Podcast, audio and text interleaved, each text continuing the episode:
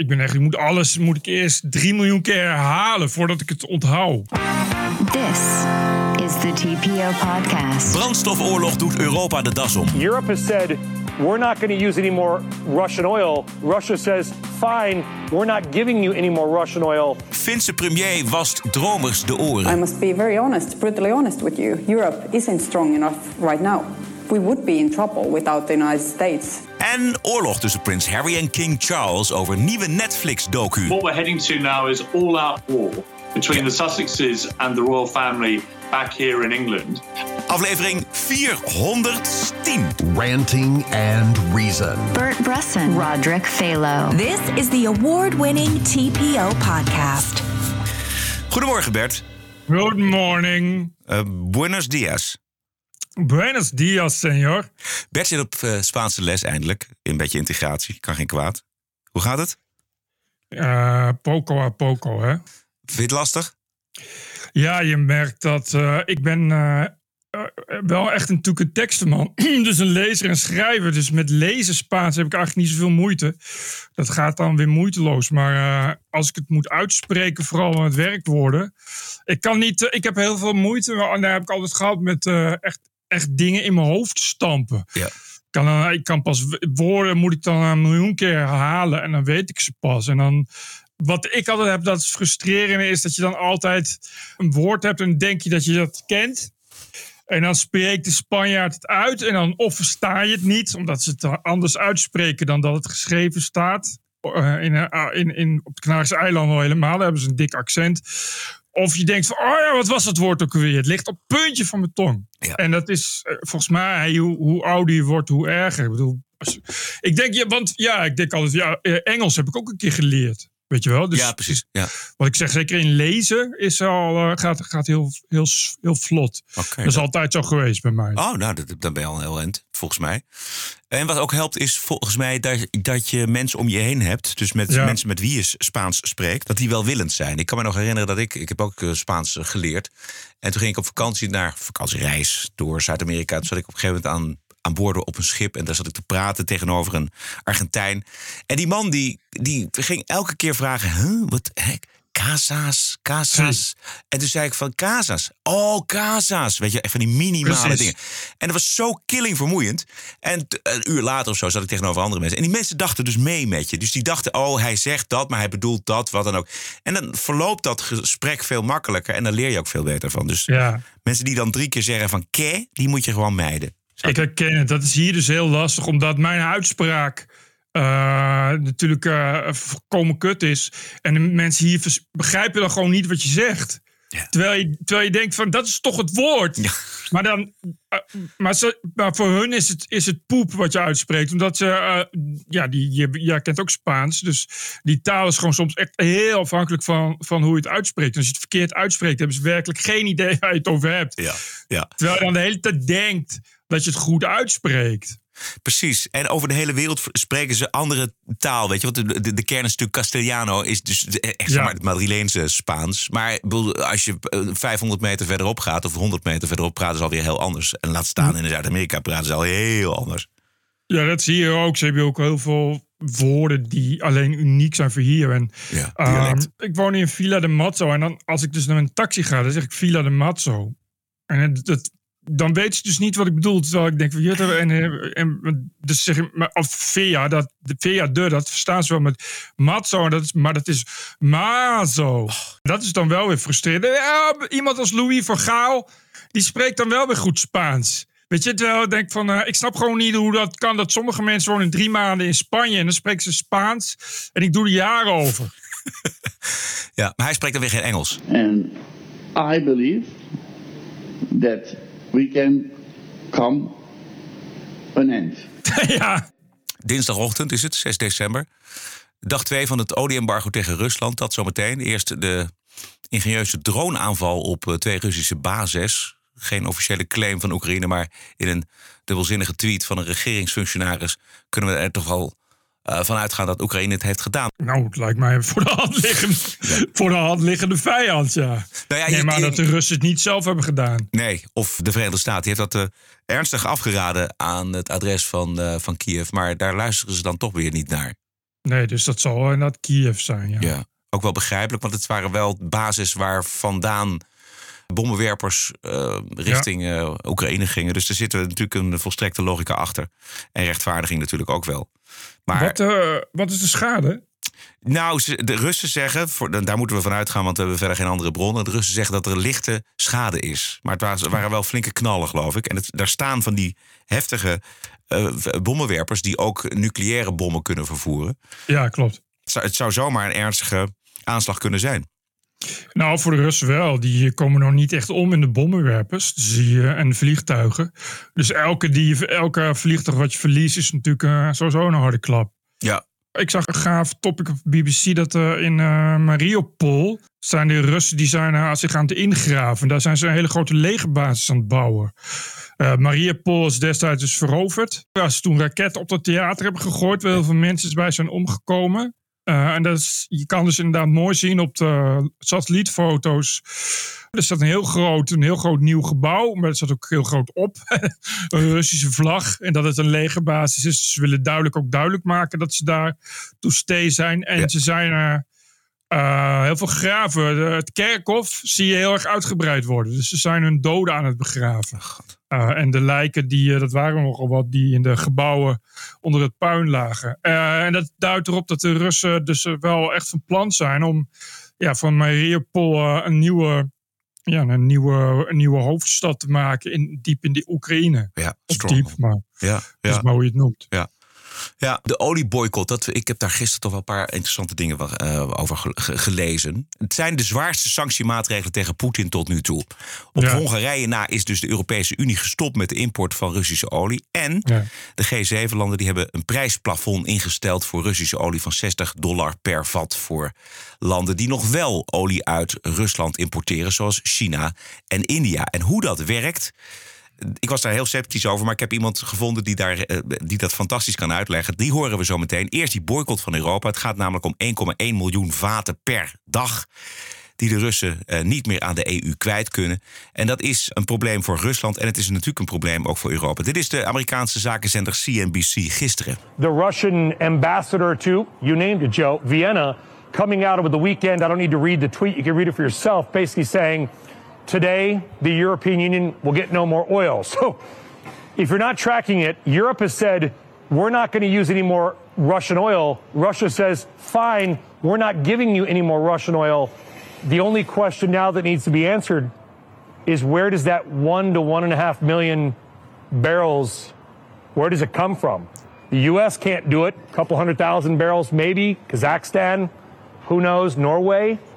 There's a. We're in day one of the next leg of Europe's energy woes, guys. Ja, dit is echt een, een, een grote gang van zaken. En niemand weet eigenlijk waar het eindigt. Ja, want waar, hoe komen we nu aan olie dan? Er is flink gehamsterd. Russische olie, goedkope Russische olie is er de afgelopen acht maanden flink gehamsterd. Dus Ja. we zitten qua voorraden, de reserves zitten goed gevuld. Maar de grote vraag is, hoe lang blijven die dan gevuld natuurlijk? En er moet natuurlijk Ja. een, een substitutie zijn. Nou, die zijn er wel, maar nog niet in de overvloedige mate waarin wij Russische olie consumeerden. Ik wou net zeggen, dat- die is natuurlijk gigantisch wat we consumeren per jaar. Ja, precies. Maar het andere probleem is Rusland. Rusland, wat moet, wat moet hij met 1,1 miljoen vaten per dag opslaan? Dat is heel lastig. Verkopen aan anderen is ook heel lastig. En Europa, precies. Bovendien is het ook nog eens zo dat wij nog steeds grote hoeveelheden vloeibaar gas importeren van Rusland. En wat als Rusland zegt, als Poetin zegt, ja, ook die toevoer gooien wij plat. Nog één keer CNBC. Nobody you talk to says the problems are over. Remember this about 55% of the European Union's natural gas storage this year was done with Russian gas, with the exception of a small pipeline coming through uh, the Druzhba pipeline, which is about 11 billion cubic meters a day, which is about, I don't know, about 5% of the total flow overall. Russian gas is off. Europe is going to have to do something it has never done, and that is fill all of its gas storage for next year using almost no Russian gas. Oh, and by the way, here's a secret don't tell anybody, Becky. Russia is still selling huge quantities of liquefied natural gas, LNG, to Europe. Doesn't get a lot of attention. And now, with these sanctions of the cap, there is very growing concern What will Putin do? Will Putin suddenly stop selling that LNG as well? If he does, that will add another leg to this energy story. And by the way, you can see the gloves. It's cold. Hij staat in Brussel. Ja, ik, ik, uh, nou ja, dit jaar uh, redden ze nog. Ik begrijp dat die LNG-terminals ook vol zitten. Ja. En dat er uh, heel veel LNG-schepen lang moeten wachten voordat ze überhaupt ergens kunnen aanmeren. Maar ja, uh, daarna weer ook gas nodig. Precies, en daarom is die relatie met Qatar zo belangrijk. Belangrijker dan de mensenrechten daar. Duitsland heeft een fantastisch deal gesloten met Qatar voor vloeibaar gas. En Nederland wil dat ook. De rest van Europa wil dat ook. We kunnen natuurlijk hoog van de toren blazen over mensenrechten en dat heel belangrijk vinden. Maar vinden we het belangrijker dan in de kou zitten? Of de, Precies. de, de, de economie naar de ratsmodee helpen? Nee, Precies. Gas is ook belangrijk. Gas is superbelangrijk. En olie ook. Wat, uh, hoe werkt het dan, dat die price cap voor China? Wij kunnen China toch niet afdwingen wat zij moeten betalen, of hoe? Ja, dat kunnen we wel. Luister, dit is fantastisch. Kijk, de tactiek achter die, dat prijsplafond van 60 euro... Uh, die geldt voor alle olie die Rusland per tanker verscheept. En dat is het overgrote deel. Die tankers die zijn voor het grootste gedeelte in handen van westerse rederijen... en worden verzekerd door westerse verzekeraars. Die schepen moeten verzekerd worden tegen ongelukken, tegen van alles en nog wat. En die moeten zich dus houden aan dat prijsplafond. Maar ook de landen die de Russische olie kopen. Maar waarom zouden ze dat doen? Inderdaad, jouw vraag. En wat kan Rusland terugdoen? Luister naar dit geweldige uh, blog van uh, Joe Blogs heet het. Hij legt het in iets meer dan drie minuten super simpel uit. Now, not surprisingly, Russia have come out in response to the oil price cap and said that they will not supply any countries that want to sign up to this price cap. So essentially, they've thrown down the gauntlet to the G7 and Australia and said, you can impose your cap if you like, but nobody is getting any Russian oil if they sign up to this. And this is going to be a really interesting game of cat and mouse because Russia can threaten to not supply anybody that signs up to the cap. But if all of the countries of the world actually agree to do this, Russia is going to be in a very difficult situation. Because, as I mentioned a number of times on the channel before, Russia is set up to produce around 10 million barrels of oil per day. That's its capacity. And if it can't sell 10 million barrels of oil per day, it's going to have to cut that production because it doesn't have anywhere to store it. So, Russia desperately needs to keep finding markets to move this oil onto because if it can't, it will have to cut production and that could cause major production problems in the future because the last thing that you want to do when you've got your oil rig set up and the flow is coming out is to stop that flow because that will then cause backlogs, jams, and all sorts of major issues. So Russia can't afford to lose these markets. So saying that they won't provide oil to anybody that's signing up to the cap really looks like a bluff because if everybody in the world signed up to the cap, they really wouldn't have a choice other than to cut their noses off to spite their face and cause themselves major problems. Now, from the buyer's perspective, there is a really interesting dynamic going on here. And let's talk about India and China because they are the two biggest markets. If India signs up to the oil price cap, the benefit that it has is that it can then officially buy Russian oil for $60 per barrel. And there is absolutely no risk of any secondary sanctions being applied against the country. However, if India decides that it doesn't want to comply with the oil price cap, it wants to go against the G7 and Australia on this, it then could definitely expose itself to secondary sanctions. So if it buys oil at $70 per barrel, for example, then the G7 could legitimately say to India, you're now in contravention of the oil price cap. We've put this in place to encourage Russia to stop the war in Ukraine. That's why we're doing it. We're not doing it because we don't like Russia. We're doing it to stop this war. And the fact that you've now bypassed this sanction means that we may now apply secondary sanctions against you. So all of the G7 could then say to India, we're going to stop buying all of your exports and we're going to restrict the amount of exports that we send to India. So this could cause major problems for India because India's major trade partners are the rest of the world. It's not Russia. Russia represents a relatively small portion of India's exports, and the main products that it's buying from Russia are oil. So India could cause itself a major problem by looking to avoid the oil price cap. So there's nothing really in it for India, and the same applies to China. It's actually beneficial for both of those countries to agree to the oil price cap because they can officially then buy that oil at a lower price and everyone's a winner. The only real loser here is Russia. And Russia is sitting between a rock and a hard place because whilst it doesn't want to sell that oil at a discount, it needs to keep those volumes moving. So it needs India and China because they represent the biggest markets. And if India and China sign up for this price cap, there's really nothing that Russia can do about it other than to send that oil at the $60 per barrel price. And when you look at the discounts that it's been selling at, it's actually in the same ballpark as the prices that they've been achieving over the last six months or so. So whilst Russia obviously don't want to sign up to the oil price cap, it looks like they won't really have much choice. Huh. Mooi hè? Nou, dus eh, als alles goed gaat, heeft eh, Rusland een heel groot probleem.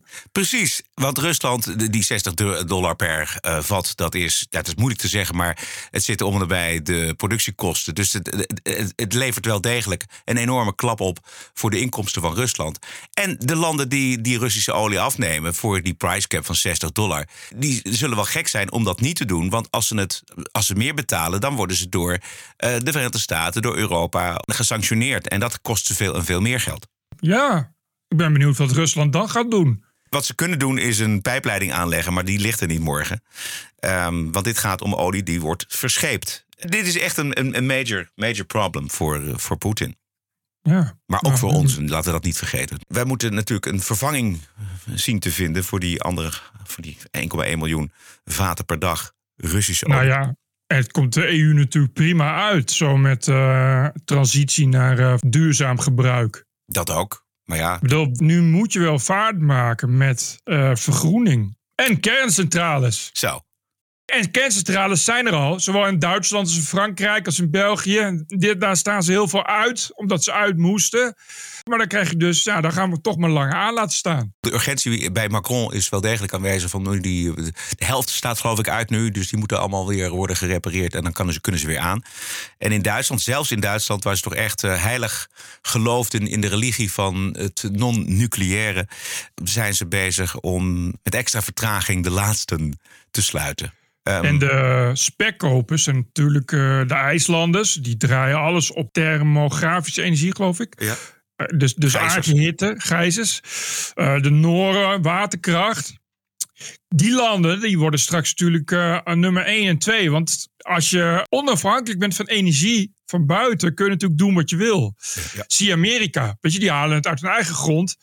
Niemand kan je wat maken. Je bent een, volledig autonome economie. En dat is natuurlijk straks bij, bij, bij de IJslanders en de Noren ook zo. Het gek is dat eh, in Europa, ja, voor zover dat überhaupt een eenheid is, dat daar nooit zo ver vooruit wordt gedacht. We hebben altijd Nee. eh, geleund, geleund op de Verenigde Staten. En zelfs nu, las ik, zelfs nu nog kan Nederland niet voldoen aan eh, de NAVO-norm. Dat is toch niet te geloven? Dan hoor je dus Rutte en Kaag moord en brand roepen over de oorlog die Rusland voert tegen Europa. En dan nog ben je niet bereid om volledig mee te draaien in je eigen verdediging.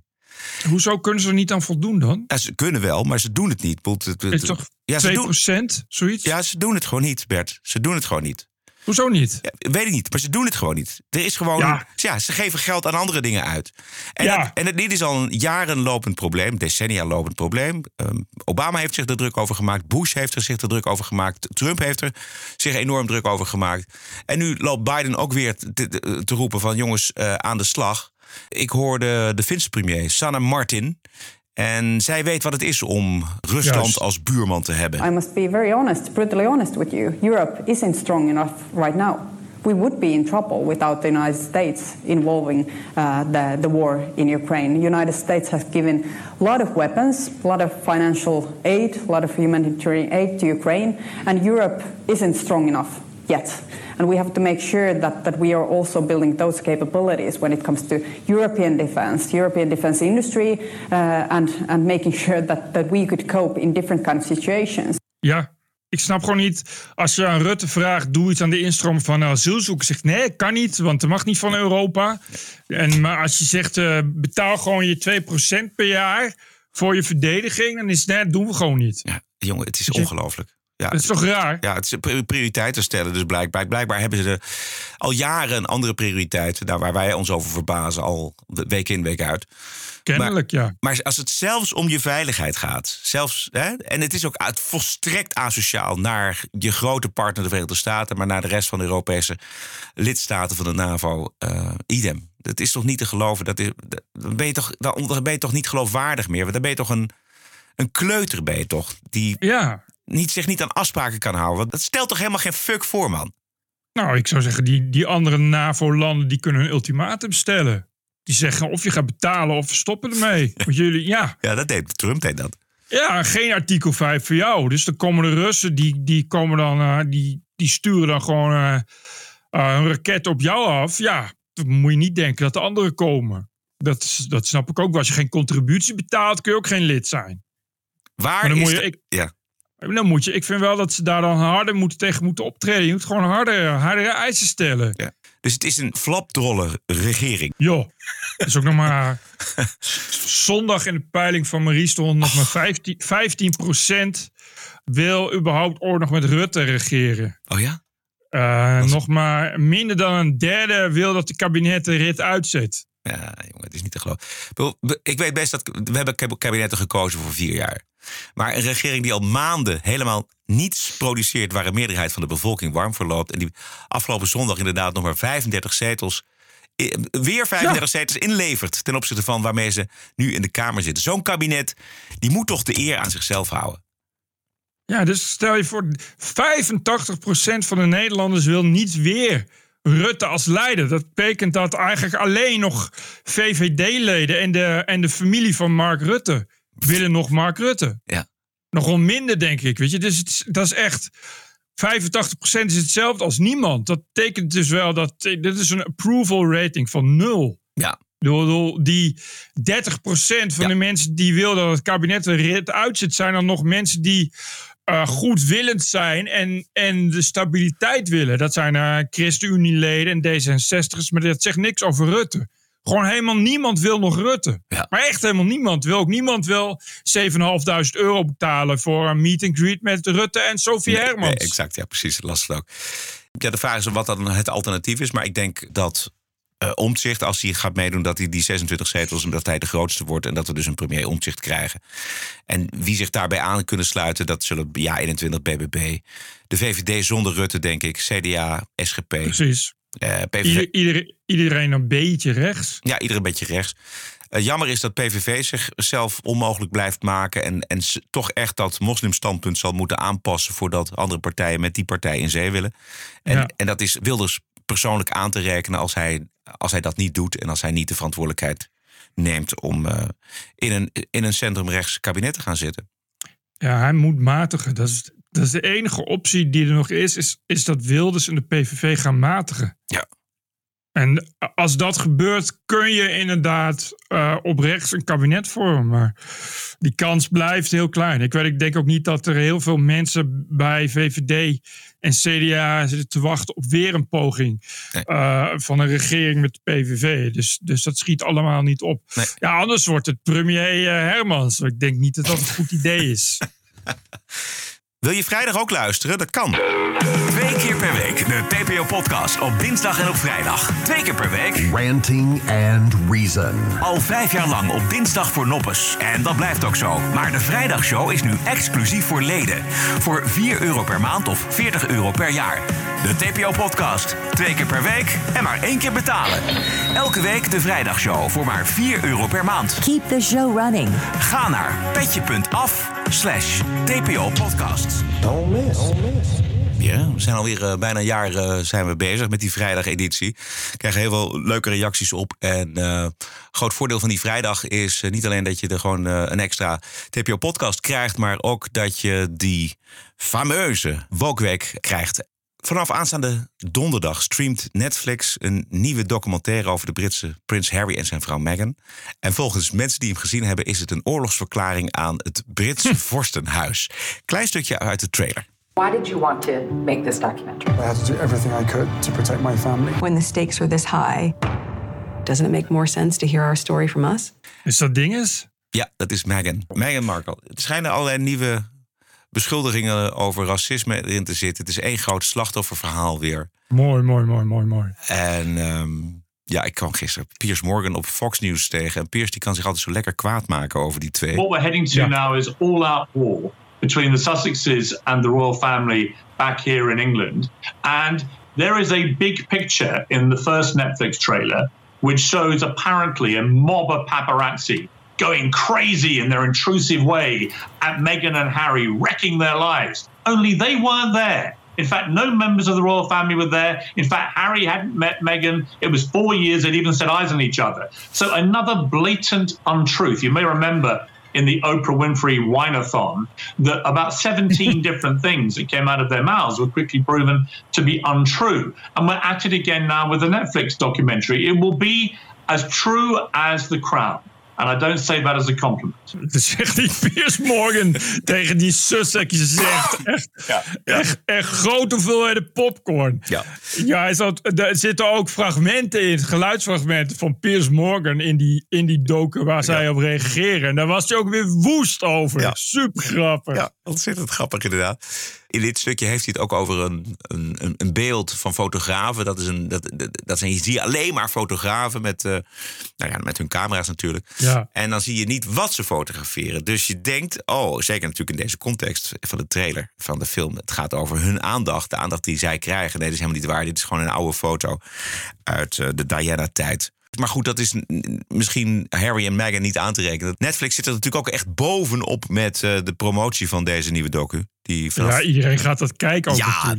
natuurlijk, Het is- ja, ja. Het is wel echt episch dat op het moment dat die queen dood is... dat er gewoon weer een nieuwe, nieuwe loopgraaf open wordt getrokken. Door, door dit soort lui. Dat, het hout stopt gewoon niet. Dit gaat pas echt stoppen als het hele Britse koningshuis... echt helemaal ten onder is gewoon. Ja, zou, zou kunnen. Het grote verschil is inderdaad dat die grootmoeder, Elizabeth, die ging het nog een beetje downplayen. En die, dat was een Ja. beetje een soort centrale figuur in de familie. Zie je vaak natuurlijk als er, een, als er een moeder of een oma overlijdt, dat dan het, het, het gezin uit elkaar valt. En dat zie je eigenlijk nu ook. King Charles, die is eh, uit ander hout gesneden.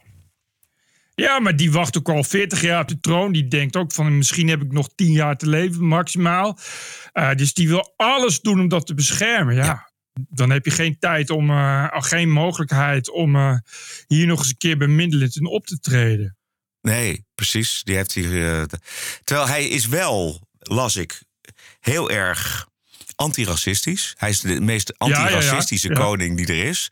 Want hij had een hofdame weggestuurd die een hooggeplaatste mevrouw van kleur had gevraagd. Waar komt hij nou echt vandaan?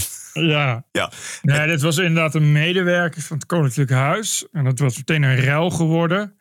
Eh, uiteraard was het, eh, begrijp ik, het echte verhaal lag iets genuanceerder. Nevertheless is die ontslagen. Maar dat heeft ook Charles heeft toen die koning werd echt, echt, echt meteen een hele zwik van, van het oude personeel van zijn moeder ontslagen. Ook omdat hij natuurlijk al een heel, zijn hele leven lang ja, totaal anders bij die opvatting van die monarchie staat. Ja. En hij is inderdaad echt heel eh, soft links en antiracistisch en inclusief. Wat natuurlijk eh, zijn moeder helemaal niet was. En zijn vader, en laat staan zijn vader. En de rest van zijn familie ook niet. Eh, maar ja, ik, ik weet het niet. Ja, Weet je, die, het- zijn vrouw zit nu in, in rehab. Ja. Dus dat, daar wordt, die, wordt de publieke opinie ook niet vrolijker van. Eh, ik, ik, ik heb echt geen idee wat dit gaat doen. Maar ja, het is natuurlijk per definitie een bombshell. Dat is natuurlijk elke keer zo. Dat was bij Diana ook zo. En dat is nu weer zo. Elke keer dat dit soort lui die zo hoog aan de top zitten van het Koningshuis hun mond gaan opentrekken. En, en de meest, meest, bizarre, meest bizarre zakken met poep buiten gaan zetten. Ja, Ja. En er komt ook nog een, eh, een boek van Harry. De, de biografie komt er ook nog. eh, Waarin hij ook eh, een boekje open doet over de gang van zaken daar aan het Britse Koninklijk Huis. Maar die, die Harry is toch de directe troonopvolger? Of is dat zijn broer? Dat is zijn broer, dat is William. Oh, want ik wou zeggen, hoe moet het dan als, als Charles doodgaat? Maar dat is William. Ja, dat is William. Ja. Daar hoor je niet zoveel van. Nee, die is keurig in het gelid. En die weet dat hij eh, een, een zware opdracht heeft. Oh ja, over, ehm, dat vond ik ook wel inderdaad. Jij had het over de rehab van Camilla Parker Bowles. Dat, dat begrijp je natuurlijk wel dat hij aan de drank gegaan is. Want eerst is het gewoon eindeloos Ja. wachten totdat ze mag trouwen met, met de man van haar leven. En vervolgens moet, is die man ook al natuurlijk eh, jaren aan het wachten op, op, zijn, op zijn baantje. Ja, het is eigenlijk wel knap dat Charles er nog zo uitgekomen is. Ja, dat wou ik ook zeggen. Ik zat ook te denken, eh, als, eh, als ik Charles eh, en, en Camilla was, zou ik ook alcoholist zijn geworden. Ja, precies. Ja, ja. Ik, ik weet het, ik weet niks van. Kijk, maar ja, kijk wel de crown. En dan weet je dat er natuurlijk wel een kern van waarheid in zit. Je weet natuurlijk dat het een gouden kooi is. Het lijkt me een soort nachtmerrie. En de verveling, man. Dat, dat, ja, die, die mensen hebben toch geen Dit. fuck te doen, ja. Dit. Schuwelijk. Oh, maar, oh, maar elke dag eh, de meest verschrikkelijke dingen. Maar goed, dat, dat vind ik bij elke alle hoogwaardigheidsbekleder. Dat ik denk, van, volgens mij word je, word je vanzelf knettergek als je elke keer lintjes moet gaan doorknippen. En, en eh, in fabriekshallen leuke, mensen moet gaan toespreken en weet ik veel wat. Het is natuurlijk allemaal geen fuck aan. Ja. Maar je moet wel 16 per dag doen elke dag. Ja. Ik, Vreselijk. eh, ik- ja. ik zou ook aan de alcohol gaan. Sowieso. De mensen in die leeftijd deden niet anders. Dus dan zit je. En bovendien, ja.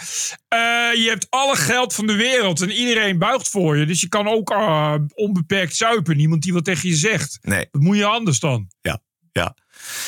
Ehm, nog één keer Piers Morgan. You you know what really sickens me is in this new trailer that's just dropped now, they use a lot of imagery of Princess Diana and what she had to go through with paparazzi. Let me tell you, I knew Diana well. I used to speak to her regularly, used to have lunch with her.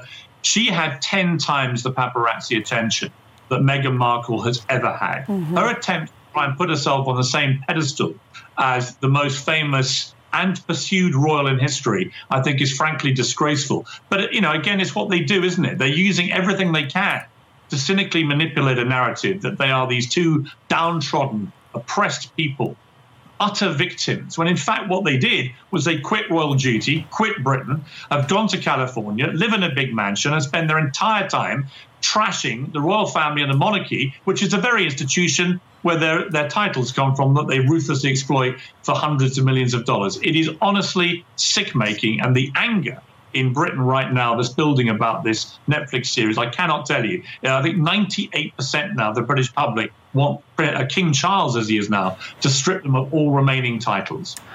Right. Ja, dat geloof ik graag. Dat denk ik ook. Weet je wat het ook zo... Vinden dit niet zo leuk, denk ik Nee, allemaal. nee, je kunt een heel eind komen met woke in Groot-Brittannië, ook wel degelijk. Maar eh, de motivatie inderdaad om jezelf als slachtoffer neer te zetten en medelijden creëren en geld ophalen voor hun. eh, want hier krijgen ze natuurlijk een ongelooflijk bedrag voor van Netflix. Tuurlijk. Het is ook nog eens over de rug van het Koninklijk Huis. Daar moet je volgens mij bij de Britten niet mee aankomen. Nee, ja, dat is natuurlijk, natuurlijk wel, weet je wel, eh, wel opgroeien in alle wilden. En, eh, en, je, en je honderd miljoenen veilig stellen. En vervolgens eh, gaan zeiken op het Koningshuis. Waar je, ja, dat Piers Morgan zegt het net ook al. Je hebt het wel daar allemaal aan te danken. Ja. Dit spreiden gewoon ook geld van het publiek. Nou ja, ik weet natuurlijk nooit. Een beetje vraag wel hoe de Koningshuizen aan het geld komen. Maar ook maar deels van de belastingbetalers, denk ik. Nou goed, aanstaande donderdag begint het allemaal op Netflix. En, Ik ga er wel kijken. Ik vind het wel echt smullen. Ja, wij zijn, wij zijn natuurlijk niet van het vorsten nieuws, maar die wookhouding van die, van die twee zit er enorm in. Dat vind ik gewoon zo boeiend en fascinerend. Ja, maar zelfs zonder woke, ik vind, bedoel, ik heb de Crown toch echt allemaal gebinst en zo. Dat vind ik echt Ja, ja. smullen. Dat, Ik vind het echt geweldig. De- ja, het is toch een soort schaduwmacht. Het is een soort NPO. Wat Nederland, in Nederland is dat de NPO. En in, eh, in Groot-Brittannië het Koningshuis. Het is een soort eh, ongoing, eh, superbe macht.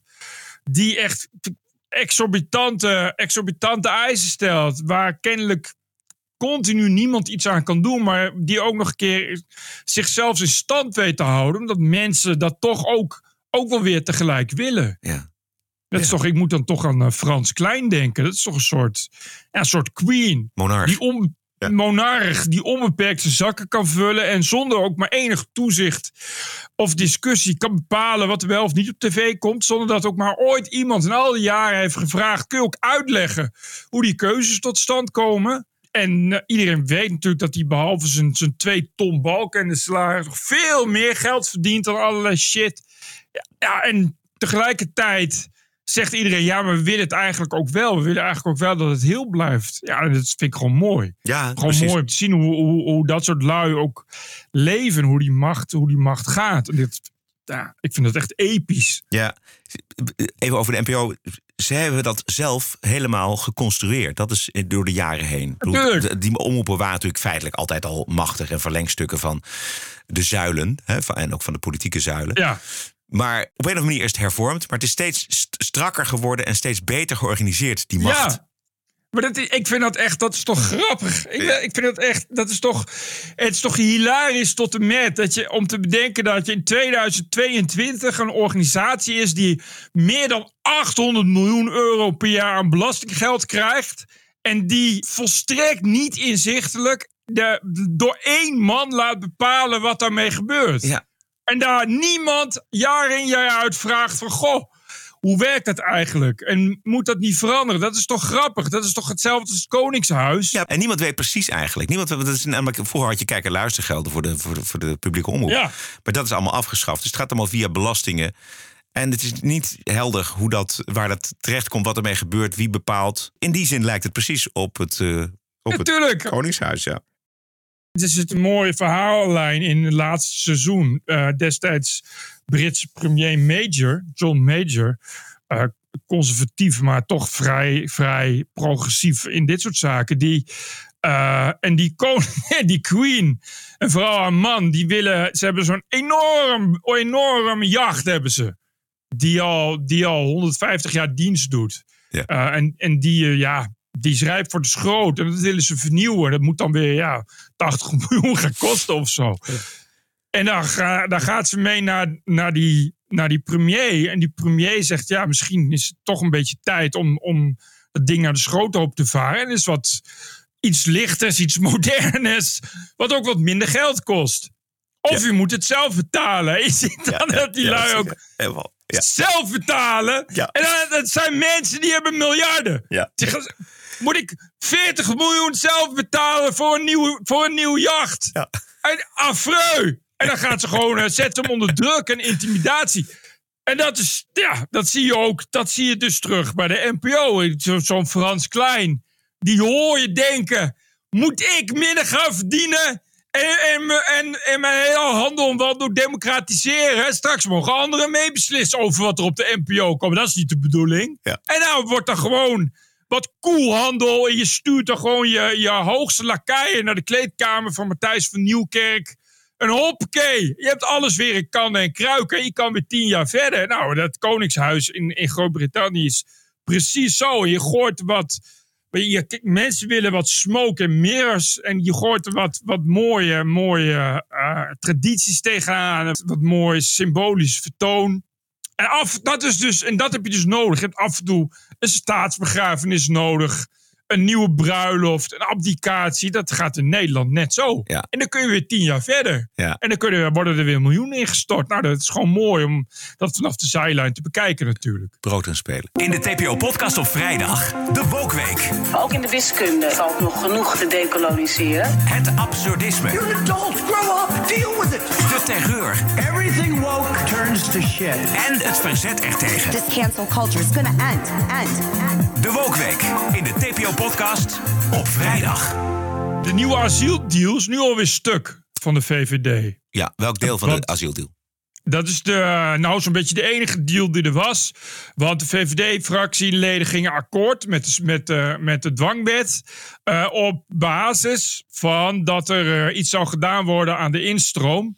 Eh, en de eerste was, waar ook de coalitie mee akkoord ging, of in elk geval de ChristenUnie niet, maar in elk geval voldoende, was dat de gezinshereniging per direct beperkt zou worden. Nou, er waren Syriërs die wilden kinderen van een Syrische vrouw die in Nederland woont, wilden hierheen.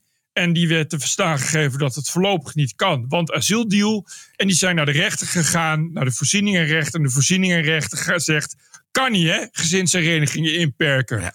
Dus Syrische kinderen mogen per direct naar Nederland. Dus einde asieldeal. Dus nu alweer, dus nu alweer geklapt. En dan zegt Ruben Brekelmans: ja, maar nee, dit is een individueel geval. Die asieldeal staat nog als gegoten. Net als destijds de hypotheekrenteaftrek als gegoten stond bij de VVD. Ja, er is de dwangwet komt er wel. Ja. Zonder dat er iets voor terugkomt. Ja, precies, ja. En de ChristenUnie staat nu natuurlijk weer op de achterste benen. Want oh, oh, oh, oh, het was al zo erg dat de VVD dat wilde. En dat wilde al de ChristenUnie helemaal niet. Want christelijke normen en waarden staan natuurlijk volkomen haaks op gezinsleden niet laten overkomen. Eh, dus ja, die zijn nu alweer woest. Want het blijkt dat die, iedereen, alle juristen, alle ambtenaren zeiden... niet doen, houdt geen stand bij de rechter. Eh, Dus Rutte, gaan we doen. Ja. ja. Maar wat ik, wat ik zo raar vind is eh, dat eh, twee dingen eigenlijk. Dat als je dus inderdaad zo'n maatregel wil nemen, dan inderdaad, dan, dan laat je dat toetsen en dan hoor je van je ambtenaren en de Raad van Ja. State volgens mij van, nou ja, dat, dat, is, dat gaat niet lukken. Dus wat je, als je het wil, dan moet je de wet veranderen. Dan moet jij eerst naar de Tweede Kamer kijken of daar een meerderheid voor is. Maar ik las ook dat eh, er Europese regels zijn die in strijd zijn met dit verhaal met deze beper- inperking. Wat ik weer raar vind. Want ik, ik heb begrepen dat er in, geen landen in Europa zo ruim zijn met de gezinshereniging als Nederland. Dus Nee, hoe, kan dat nou? En is dat nou bluff van zo'n voorzieningenrechter? Of Ja. Ja? Dat is, ja, dat is een D66-rechter die daar eh, eh, op dit moment met, met, met de omstandigheden die zich dit voordoen, zich dit kan permitteren. Maar als je hiermee eh, inderdaad, wat je zegt, naar, naar, naar hogere rechters gaat, dan wordt het waarschijnlijk wel weer lastiger. Dan wordt gezegd van ja, maar luister eens. eh, onze regels, die zijn op, als je die toetst aan de Europese regels, zit er nogal wat ruimte in. Eh, maar ja, dan ben je wel weer een paar jaar verder, zoals je weet. En dit is precies de reden dat iedereen zei niet doen. Omdat ze wisten, ja, op het moment dat er een, een typisch humanitair geval komt... heeft die rechter de mogelijkheid om eh, op individueel niveau daarover te oordelen. En je weet natuurlijk dat er meteen een heel leger van asieladvocaten... er alles aan gelegen is om die rechter tot het oordeel te bewegen. En zo geschieden. Dat je op deze manier steeds verder die hele asielpolitiek volledig uitholt en leegvreet. Precies. Tot het dus instort helemaal. Exact. En bovendien kun je dus blijkbaar als politiek kun je niet meer je beleid uitzetten, want de rechter zit er voortdurend tussen. Ook in andere Ja, zaken. Ja. Maar in andere zaken ja, loopt dat niet zo vaart. Maar hier weet je, dit is natuurlijk. Ja, het, het allerheetste onderwerp is natuurlijk dit. En er is natuurlijk niemand die zijn kinderen hierheen wil halen. die, zich, die zegt: Oh, laat allemaal hangen. Tuurlijk gaat iedereen dan naar de rechter. Die mensen hoeven niet naar de rechter. Want dat zijn natuurlijk mensen die verder geen flauw idee hebben. Maar ja, die krijgen eh, als vanzelf eh, een heel advocatenkantoor eh, komt zich zich aandienen om te zeggen: luister eens, er zijn allemaal regels, gaan wij voor je regelen. Dus tuurlijk, en dat was natuurlijk precies het probleem.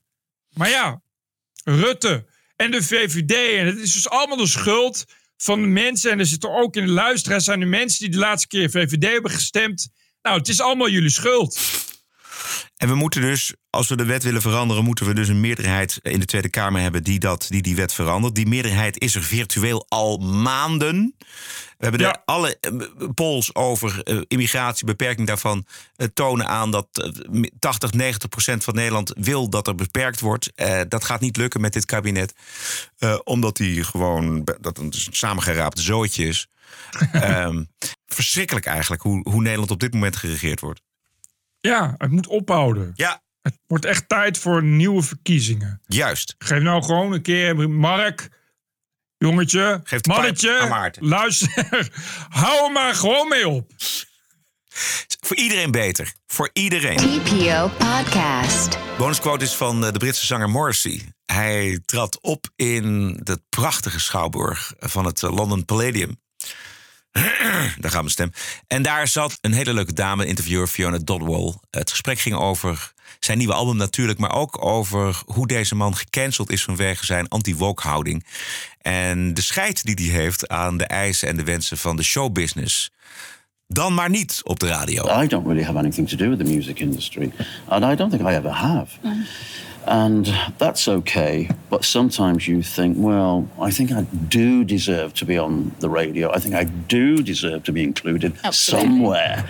But it doesn't ever happen. I'm, uh, they don't include me anywhere, even just for perseverance and just to shut me up. They don't include me. It's very strange, very peculiar. It's And shocking as well because they must see the audience is still there for you. They don't care. They don't care. They don't care about. If you don't chase them and say, "Please do this for me, please, please, please," please then they just think, "No, no." They want to be chased. They want to be wooed. I can't do it. No. Mooi. Dat is wel echt, dit soort mensen heb je nodig. Juist. Scheid. zijn er veel te weinig van. Ja. Hij zegt ook nog een paar mooie dingen over mensen die zich zo snel gekwetst voelen. Ga wat nuttigs doen. Bake a cake. Bake a cake bijvoorbeeld. en over diversiteit. Maar eh, die hoor je in de Wokweek in de TPO-podcast van de aanstaande vrijdag, de vrijdageditie. Lid worden kan via tpopodcast.nl. Dit was het, hè? Yes, yes, yes. Het mooie is dat je niet alleen een bijdrage levert aan de vrijdag, maar ook aan de dinsdageditie. Want dit doen we natuurlijk ook helemaal niet eh, voor niks. Oftewel, je steunt de TPO-podcast. Heel belangrijk, want zonder abonnees bestaat er geen TPO-podcast. Veel dank, stay cool. En tot vrijdag. TPO Podcast. Bert Brussen, Roderick Balo. Ranting and Reason. Voorzitter, ik heb niet gelogen. Podcasting is the TPO podcast in the Netherlands. Bert and Roderick. What a show. I'm telling you. Keep the show running. Go to tpo.nl slash podcast. Thank you.